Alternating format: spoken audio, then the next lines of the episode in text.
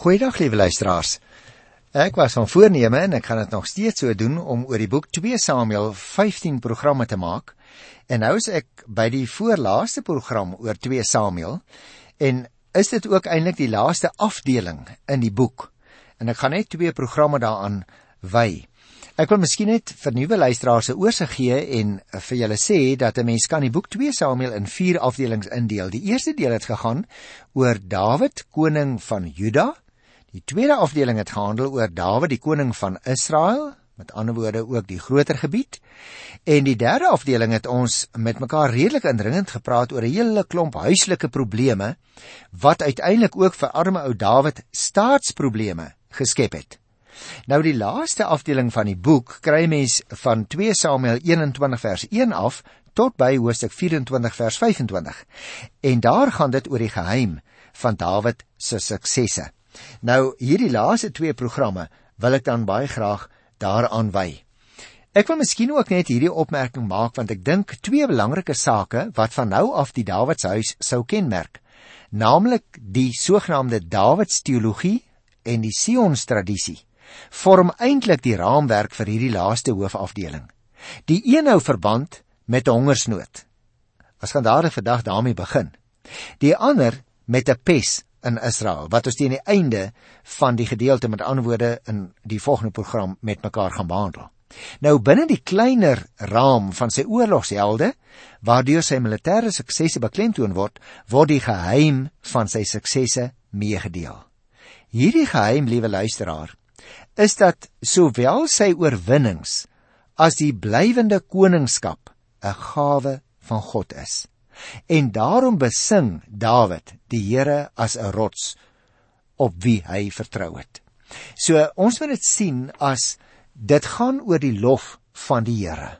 Die geheim wil ek weer 'n keer sê, liewe luisteraar, is aan die een kant sowel sy oorwinnings oor vyande en aan die ander kant die blywende koningskap albei hierdie goed is 'n gawe van God en daarom besing hy die lof van die Here.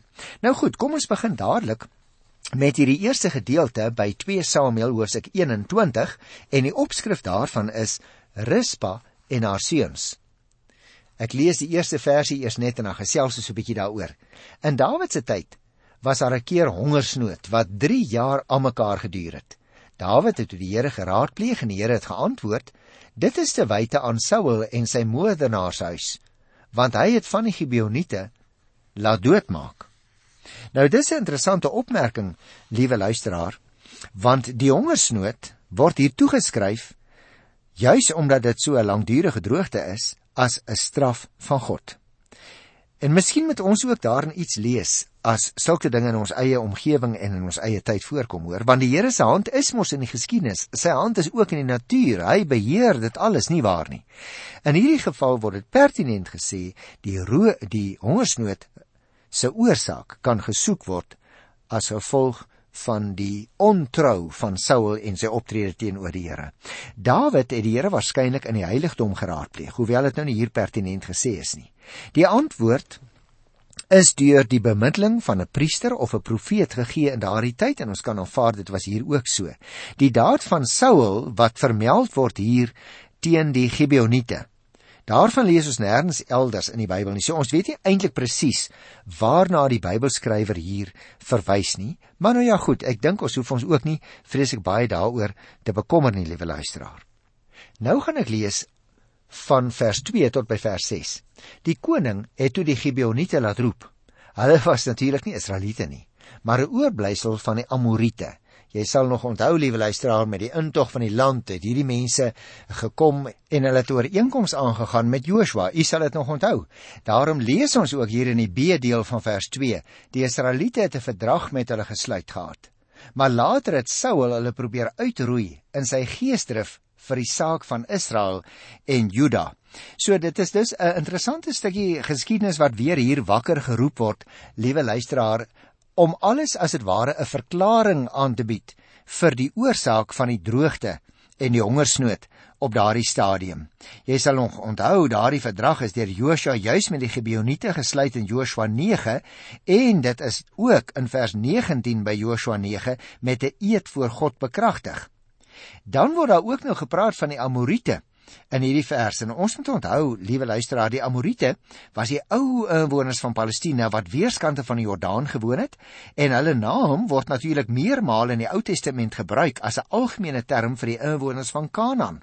Byvoorbeeld in Josua 24 vers 15. is my ook interessant dat uh, die laaste paar programme het ons nou gepraat oor Saul en hoe dat hy en sy nageslag vir Dawid baie baie moeilikheid gegee het, maar daar was 'n tyd in in sy lewe dat dit anders was. En daarom word hier nou in vers 2 verwys na Saul se geesdrif. Met ander woorde, liewe luisteraars, Saul se geesdrif vroeër in sy lewe was natuurlik hier in stryd met God se wil toe hy teenoor hierdie mense opgetree het. En so oproep roep om weerwraak. Die Bybel noem dit soms bloedwraak.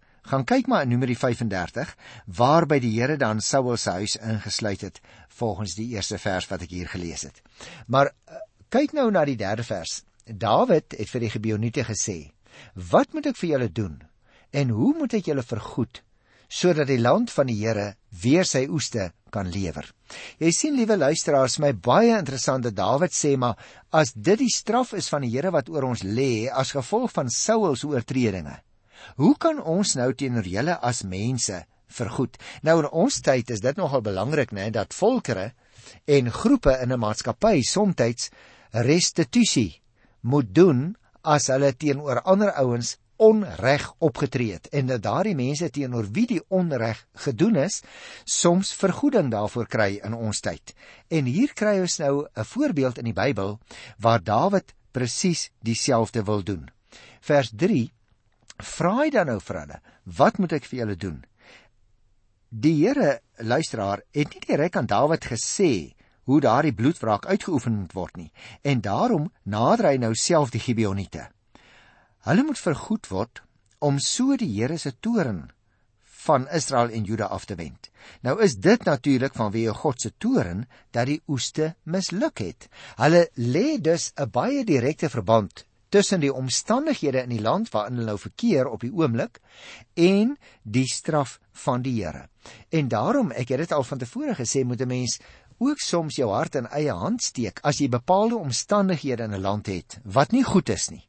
Vir jouself vra of dit nie dalk die gevolg is van die onreg optrede nog skerper of dit nie soms die gevolg kan wees van sonde wat begaan is en wat nou sy gevolge oor die land het nie. Die 4de versie sê die Gibeoniete het hierop geantwoord: Ons verwag nie silwer of goud van Saul en sy familie nie en ook nie dat iemand in Israel doodgemaak moet word nie. Dawid vra toe: Nou wat wil julle dan hê moet ek vir julle doen? Is interessant hoe hulle antwoord, né? Die afwysing van loskoop geld. Nou ja, mens lees daarvan in Numeri 35 vers 31. Dit is natuurlik nou in ooreenstemming met die voorskrif dat vir 'n lewe en met 'n lewe wat geneem is, moet betaal word.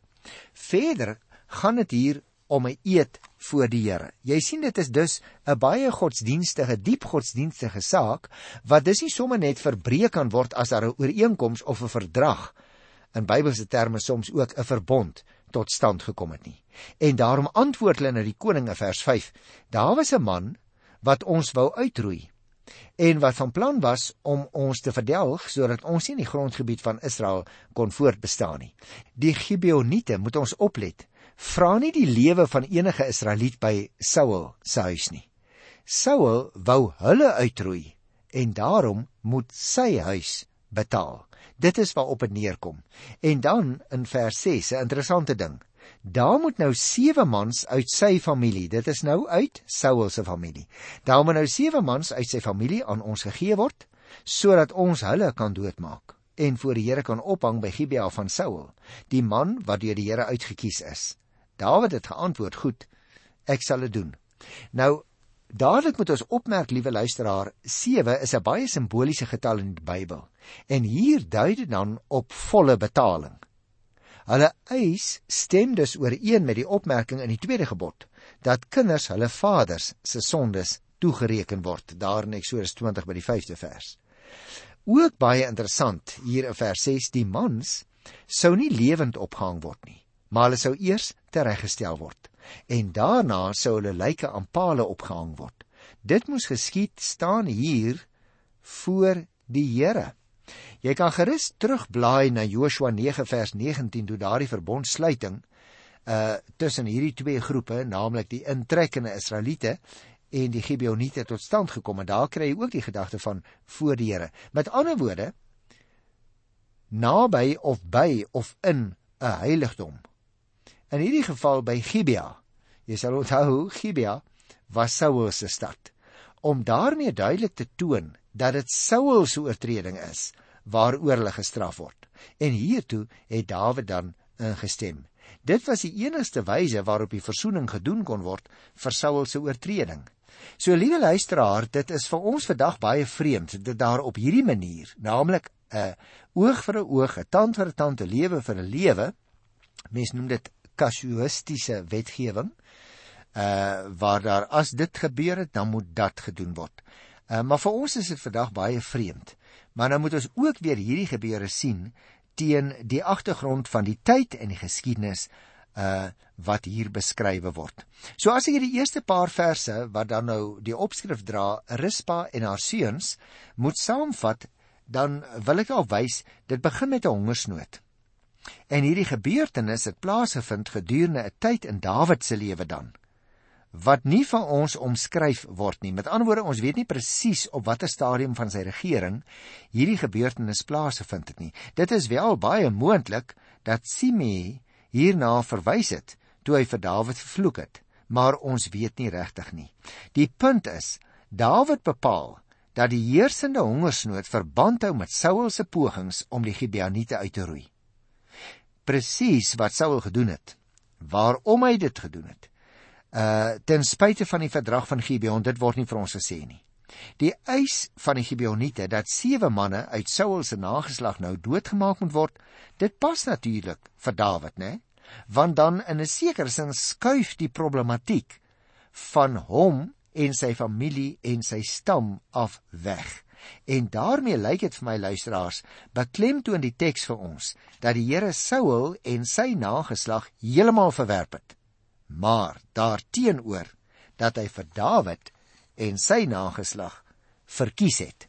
En dit is vir ons baie belangrik om dit te kan raak sien. Nou as ons die verhaal lees van vers 7 af, dan kry ons ander detail wat vir ons van belang is. Ek lees: Die koning het Mefibose, die seun van Jonathan, die seun van Saul, gespaar vanweë die verbond wat in die naam van die Here tussen Dawid en Saul se seun Jonathan bestaan het. Maar die koning het vir Armoni en Mefibose, die twee seuns wat Rispa, die dogter van Aya by Saul gehad het, gevat, as ook die vyf seuns van Saul se dogter Merab, en hy het hulle almal uitgelewer aan die Gibeoniete wat hulle doodgemaak en voor die Here op die berg opgehang het. Die sewetal het saam omgekom. Hulle is gedood teen die tyd dat daar gewoonlik begin word met die gasoes. So ons kry dus hier maar net 'n beskrywing van hoe dat die ooreenkoms by Dawid dan aangegaan het met die Gibeoniete op die eise wat hulle gestel het om sewe manne uit Gibeon te kan doodmaak hoe dat daardie uh vonnis dan nou voltrek is en dit het dan geïmpliseer dat die omstandighede weer kan verander vir Israel. As ek die gedeeltjie ook mag saamvat sou ek wou wys daarop liewe luisteraar die verhaal van sewe onskuldige mans wat vir die dade van hulle pa of oupa boet hierso klink vreemd vir die moderne mens. Laat staan nog vir die Christen hoor. Dit moet egter gesien word ook teen die agtergrond van die opvatting dat die verbreeking van 'n ooreenkoms of 'n verdrag ook teen die kinders van die mense wat die verdrag gesluit het gehou kan word. Geleidelik het daar egter verandering ingetree sodat daar teen die tyd van Esegiel later in die geskiedenis gesê word dit is die mens wat sondig wat sal sterf. Met ander woorde nie ander gaan sterf nie. Geleidelik het die insig in die kultuur van mense deurgebreek dat jy nie ander mense moet straf as 'n persoon oortree het nie en daarom dat Esegiel dit sê dit is die mens wat gesondig het wat sal sterf. Jy kan gerus daarna gaan kyk as jy wil in Esegiel 18 by vers 2 tot by vers 4. En nou kom ons hier van vers 10 af uh ook by 'n interessante gedeelte. Rispa, dogter van Aya, het rou klere gevat en dit vir haar op 'n rots oopgegooi van die begin van die oestyd af tot die reëntyd aangebreek het, het sy bedags die roofvoëls en snags die roofvoëls nie aan die lyke laat vreet nie. Toe daar aan Dawid meegedeel is wat Aja gedoen het, het hy die bene van Saul en sy seun Jonathan laat haal by die burgers van Jabes en Gilead. Hulle het dit destyds op die stadsplein in Betsan gaan steel. Hy het Saul en sy seun Jonathan se bene daarvandaan laat bring en ook die van die manne wat op die berg opgehang is en almal by Sela in Benjamin laat begrawe in die graf van Kis, Saul se pa. Alles is gedoen net soos die koning beveel het. Daarna het God weer gebede vir die land verhoor. Is dit nie interessante mededeling nie luisteraar? Ehm um, jy sien waarmee ons hier te maak het is die patetiese figuur van Rispa wat haar seuns wat nou veroordeel is en doodgemaak is, se lyke oppas. Dis eintlik 'n baie deernisvolle toneel. Die bedoeling is natuurlik nou nie dat sy van April af, dit is die begin van die oestyd, tot en met Oktober, dis die begin van die reenseisoen, daar gewaak het nie. Maar totdat daar 'n reënbui uitgesak het. Haar aangrypende optrede hang saam met die opvatting dat dit 'n oneer was indien 'n lijk nie begrawe is nie. Daarom gaan pas sy haar seuns op. Die ander ouens wou hulle nie begrawe nie want hulle het hierdie ouens uh, van hierdie ouens gesê, "Man, hierdie manne, hierdie sewe manne het hulle verdiende straf gekry want dit kom uit hulle familie dat hierdie droogte nou kom." Maar vir haar as moeder was dit baie erg om die lyke sommer net so te laat lê. So nommer 1 is dit nie begrawe nie want hulle het oneervol gesterf. En tweedens het sy dan omdat sy nie wou hê die roofvoëls moet die lyke opvreet nie, het sy dan daar van tyd tot tyd gewaak. En daarmee het Ruspa in die geskiedenis 'n toonbeeld geword van die toewyding van 'n moeder. 'n Hartverskeurende aanklag teen die wrede stelsel van destyds Maar liewe luisteraar, Rispa is dus ook eintlik 'n voorbeeld of 'n toonbeeld vir ons dat ons liewer die vrede moet herstel voordat daar wrede wraakdade deur mense op ander uitgevoer word. Minstens Dawid is so daardeur aangegryp dat hy selfs die beenderre van Saul en Jonathan laat herbegrawe het, iets wat nogal in daardie tyd heeltemal vreemd was.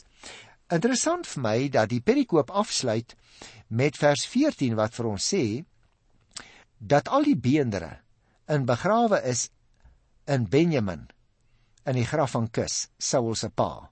En dan staan hierdie opmerking daarbey: Alles is gedoen net soos die koning beveel het. Daarna het God weer gebede vir die land verhoor.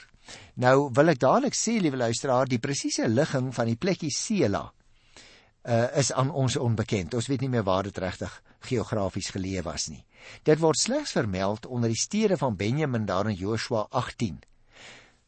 Wat ook vir my in die vers opval, is dat ons moet onthou vir die begrafnis in die familiegraf ons verskillende sulke voorbeelde het. Gaan gaan kyk net maar byvoorbeeld na die geval van Agitofel se begrafnis wat 'n mens gekry het. Ons het so 'n bietjie daaroor gepraat in 2 Samuel 17 by vers 23.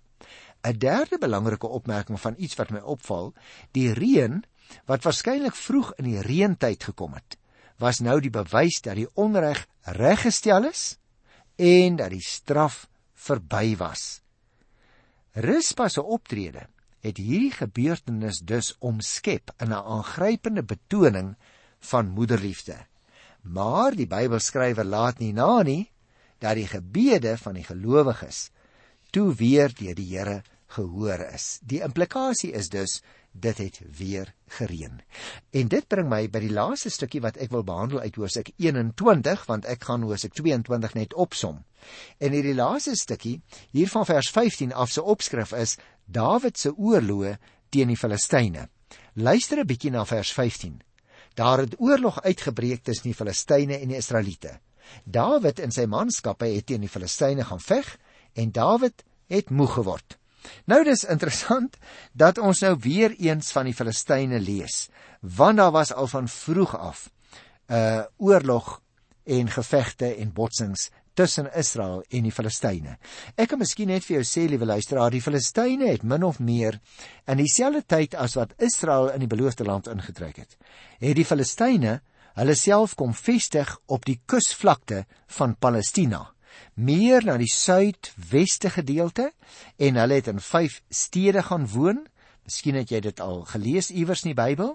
Hulle het met oskarre met soliede houtwiele wat hulle van hulle bote afgelaai het gery, maar die groot ding van die Filistyne is, hulle was die enigste volk op daardie stadium van die geskiedenis wat yster kon bewerk. En daarom was die Israeliete ook baie baie versigtig vir hulle. En hier lees ons nou hoe dat Dawid begin het om oorlog te voer teen hulle. Ek het nou nou gesê daar is reeds vroeër melding gemaak van die oorloë van die uh, teen die Filistyne. En as jy 'n spesifieke voorbeeld wil hê, kan jy gerus gaan kyk in 2 Samuel 5 wat ons behandel het, daar van die 17de vers af. Hier, liewe luisteraar, gaan dit egter om vier besondere Filistyne, almal reuse wat in 'n man tot man geveg verslaan is. Nou is dit natuurlik nie moontlik om die gevegte presies te dateer nie. Die feit dat Dawid moeg geword het soos dit hier staan, dui vir ons daarop dat dit nie vroeg in sy regeringstyd was nie, waarskynlik ook toe hy al heelwat ouer was. Daarom dat hy so moeg geword het en dat die Bybelskrywer dit nodig ag om spesifiek te sê hoe erg moeg die koning geword het. En die feit word juis ondersteun deurdat sy broer Samma se seun Jonathan al oud genoeg was om saam te gaan veg. Jy skryf dit daar in die 21ste vers. Ek wil dit maar net opmerk. Die eerste geveg waaraan Dawid deelgeneem het, was toe hy Goliat gedood het. Dit sal jy nog onthou daar uit 1 Samuel 17 van vers 31 af. Ons het dit destyds behandel. En dit was die laaste geveg hierdie waarin Dawid self geveg het en waarvan ons in die Bybel lees. Nou kry ons hier 'n hele klompie name. Ek wil nou nie op die name ingaan nie. Ek wil uh, hierdie hoofstuk afsluit met vers 20 wat daar staan: Op 'n ander keer was daar oorlog in Gat. Daar was 'n lang man met 6 vingers aan elke hand en 6 tone aan elke voet. Saam was dit 24. Hy was 'n Rifaït van geboorte. Nou interessant dat dit so spesifiek hier in die Bybel vir ons gesê word want jy sien die vierde Filistyn wat in 'n geveg deelgeneem het is gekenmerk deur die ekstra vinger aan elke hand uh en ook 'n ekstra toon aan elke voet. Nou dit kom vandag in ons tyd ook nog voor, maar dit was so opvallend dat dit nou eintlik 'n stukkie uh volksbesit en geskiedenis geword het in daardie tyd. En daarom in die Bybelskrywer dit vir ons hier aangeteken. Ek wil miskien net daarop wys Levitikus 21 vers 18 verwys moontlik na 'n soortgelyke afwyking as 'n misvormde liggaamsdeel. Nou weet ek nie dit is moontlik luisteraars dat dit juis die rede was waarom hierdie ehm uh, uh, spesifieke uh, gebrek van hulle genoem word. Nou dit bring ons by die 22ste hoofstuk van 2 Samuel. Dit is een groot lang loflied op die oorwinnings wat die Here gegee het. Ek het net nou vir jou gesê hierdie geveg het waarskynlik plaasgevind teen die einde van Dawid se lewe en daarom het ons hier 'n baie lang beskrywing van die Here wat die groot en die dapper een is en wat die oorwinning gee. So ek gaan dit nou nie in detail vers vir vers behandel nie. Ek wil dit opsom in 'n paar opmerkings. Want dit gaan in hierdie lied waaroor? Dit is God wat die oorwinning gee. Dis waaroor dit gaan. Hierdie psalm ons kan dit eintlik 'n psalm noem liewe luisteraars kom amper woordeliks met psalm 18 ooreen sodat die twee psalms verwerkings van dieselfde lied is. Hierdie psalm is 'n danklied waarin 'n individu naamlik Dawid sy dank teenoor die Here betuig Nou die Psalm is juis op hierdie plek in die boek geplaas om na die laaste geveg van Dawid wat vir ons aangeteken is, soos ek nou nou verduidelik het, um 'n terugblik te gee op Dawid se hele lewe en sy stryd waarin God aan hom die oorwinning gegee het.